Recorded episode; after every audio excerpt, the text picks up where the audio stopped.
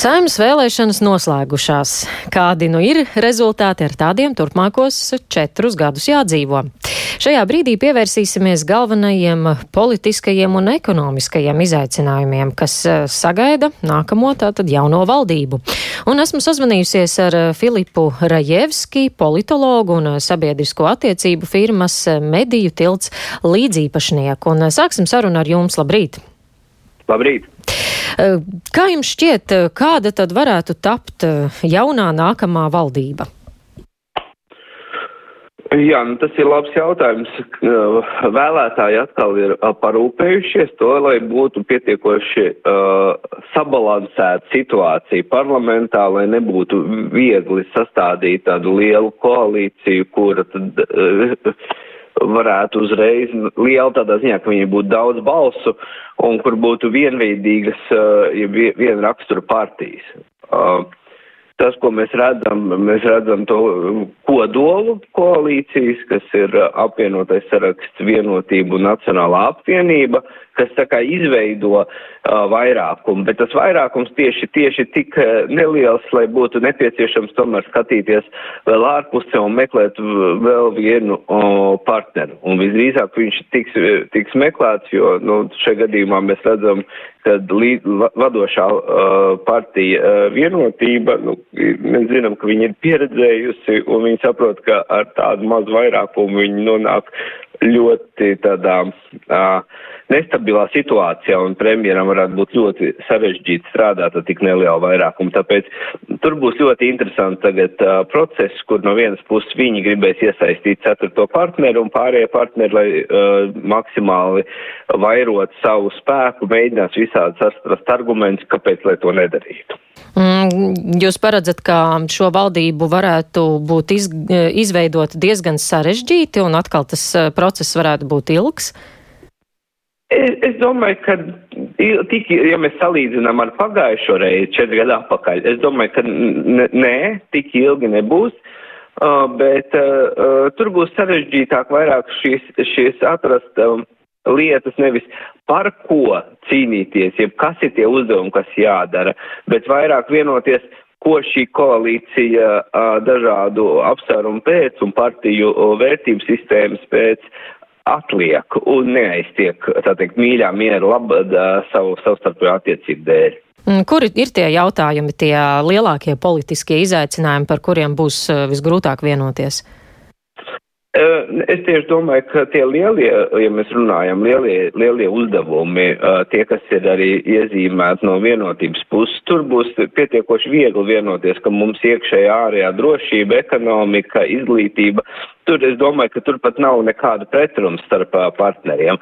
Tur vairāk nāk kaut kāds blakus, blakus lietas, kas ir, nu, piemēram, mēs jau dzirdējām vakar krāšņus tur uh, apzīmējums no Nacionālās apvienības uh, par potenciālo sadarbību ar progresīvajiem, kad tiem pingvīniem un leduslāčiem, kuri nekad nesastopās izņemot zooloģisko dārzu, nu, kas parāda, ka tur ir vairāk kaut kāds sīks vērtību lietas, kas, nu, tādā kopējā, liel, kopējā kontekstā viņas varbūt nav tik lielas un tik svarīgas, bet viņas ir svarīgas šo partiju vēlētājiem, jo tās tieši precīzi simbolizē šīs partijas un viņus uh, spēju uh, realizēt šīs lietas, parāda, vai tā partija vispār ir, nu, tā vērta, lai pa viņu balsot atkal nākošajās vēlēšanās. Jā, nu tās ideoloģiskās atšķirības ir, bet ja jūs raugāties uh, uz tādu iespējamo koalīcijas veidoli, jūs tur redzat gan Nacionāla apvienību, gan uh, progresīvos vienā komandā?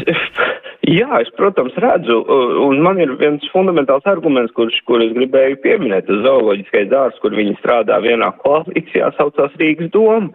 Viņi jau ir vienā koalīcijā Rīgā, kur ir gan ievēlēti progresīvie tiesa kā daļa no, no, no apvienības ar attīstībai par, un uh, savukārt Nacionālā apvienība ir ievēlēta savukārt no tādas apvienības, kas ir Nacionālā apvienība Latvijas reģionu apvienība. Tā kā uh, es tur neredzu uh, liels problēmas, ka viņi varētu strādāt uh, kopā. Runa ir tikai kādā veidā viņi savā starpā vienojās visi kā viņi šos jautājumus, kas ir uh, sāpīgi vienai vai otrai partijai, kā viņi risina, vai tie ir brīvie balsojumi vai, vai, vai kā savādāk. Jā, paldies par sarunu. Sazvanījos ar eh, politologu un sabiedrisko attiecību firmas eh, Mediju tilts eh, līdzīpašnieku Filipu Rajevski. Un tagad pāriesim pie ekonomiskajiem izaicinājumiem. Un, lai runātu par to, pie telefona klausulis ir Mārtiņš Čāboliņš, fiskālās disciplīnas padomas loceklis un bankas citadele ekonomists. Labrīt! Labrīt! Diezgan eh, izaicinošs laiks eh, ekonomiskajā ziņā. Kādi jūsu ieskatā būs tie galvenie pārbaudījumi, kas sagaida nākamo valdību? Mm, nu, es domāju, pirmām kārtām turpināsies tie paši jautājumi, kas ir šai, šai saimai un šai valdībai. Galvenais izaicinājums īstermiņā mums noteikti ir enerģētiskā situācija. Um, gan cenas, gan pieejamības, gan piegāžu drošības jautājumi. Um, tur jau ir daudz lietas šī valdība izdarījusi, arī tā skaitā attiecībā teiksim, uz kompensācijām un atbalsta pasākumiem šai ziemai, uh, bet skaidrs, ka enerģētika ir droši vien jautājums, ko mēs vēl diezgan ilgi risināsim, jo tas prasa ne tikai subsīdijas, tas prasa investīcijas, uh, gan sašanātās gāzes termināli, gan savu atjaunojamo energoresursu ražošana, gan energoefektivitāte. Tur, tur būs daudz ko vēl darīt darīt. Un es domāju, ka šis jautājums būs, būs diezgan prioritāts visu saimnes laikā. Um, bet noteikti, noteikti būs arī citi. Um, viena lieta, kas ir iezīmējusies pēdējos gados, ir uh, Latvijas ekonomikas un tāda ar, arvien izteiktāka atpalīdzība no Lietuvas un Igaunijas.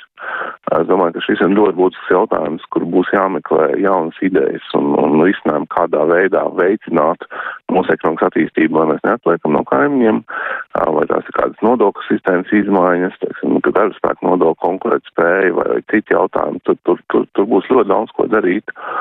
Un visbeidzot, šī saimnes laikā noteikti būs arī jautājums par budžetu sabalansēšanu. Jau pēdējos gadus kopš Covid pandēmijas sākuma mēs esam dzīvojuši uz diezgan lieliem budžeta deficītiem. Arī šogad būs, arī nākamgad būs, ņemot vērā enerģētisko situāciju.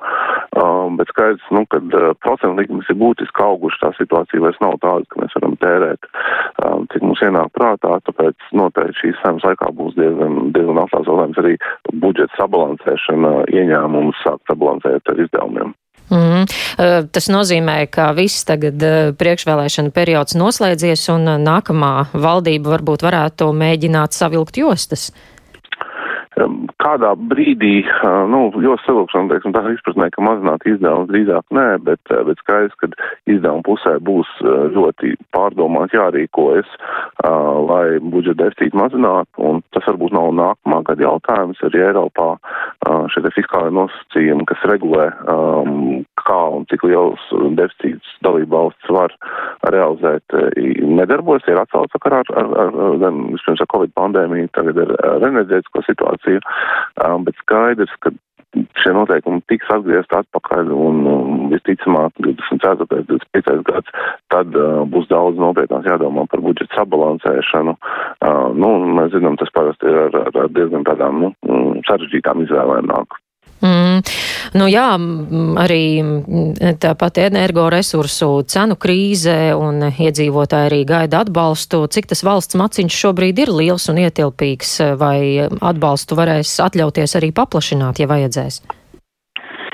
Nu, es domāju, pirmkārt, šis atbalsts, kas jau ir apstiprināts gan, gan uzņēmumiem, gan mājasēmniecībām kopā m, ap miljardu eiro, nedaudz virs miljardu eiro uz, šo ziemu, ir jau diezgan būtisks. Skaidrs, ka cenas ies uz augšu un, un, un joprojām daļas sloga paliek uz, uz iedzīvotājiem uzņēmumiem, bet nu, tas, tas mērogs, manuprāt, jau ir tāds, kas ir kopumā varbūt adekvāts, jāstāsta tikai, lai visiem un visur šis atbalsts ir pietiekams. Vienai ziemai tā, tā, tāds atbalsts nebūtu problēma no valsts budžeta viedokļa. Parāds mums tomēr zem 45% no IKP pietiekams zems arī uz citu Eiropas valstu fonu. Bet mēs redzam, ka enerģētiskā situācija, energo cenas, piemēram, dabas gāzes cenas nākotnes darījumos ir dārgas arī tuvākajos divos, trijos, četros gados. Un tas nozīmē, ka nu, šādu teiksim, izdevumus vairākus gadus no vietas būs, būs ļoti grūti atļauties.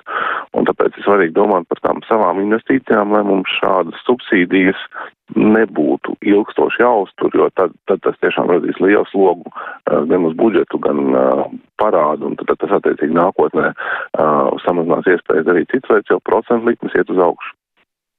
Jā, paldies par sarunu. Sazvanījos tātad ar Fiskālās disciplīnas padomas locekli un bankas citadela ekonomistu Mārtiņu Aboliņu un runājām par ekonomiskajiem izaicinājumiem, kas būs priekšā nākamajai valdībai.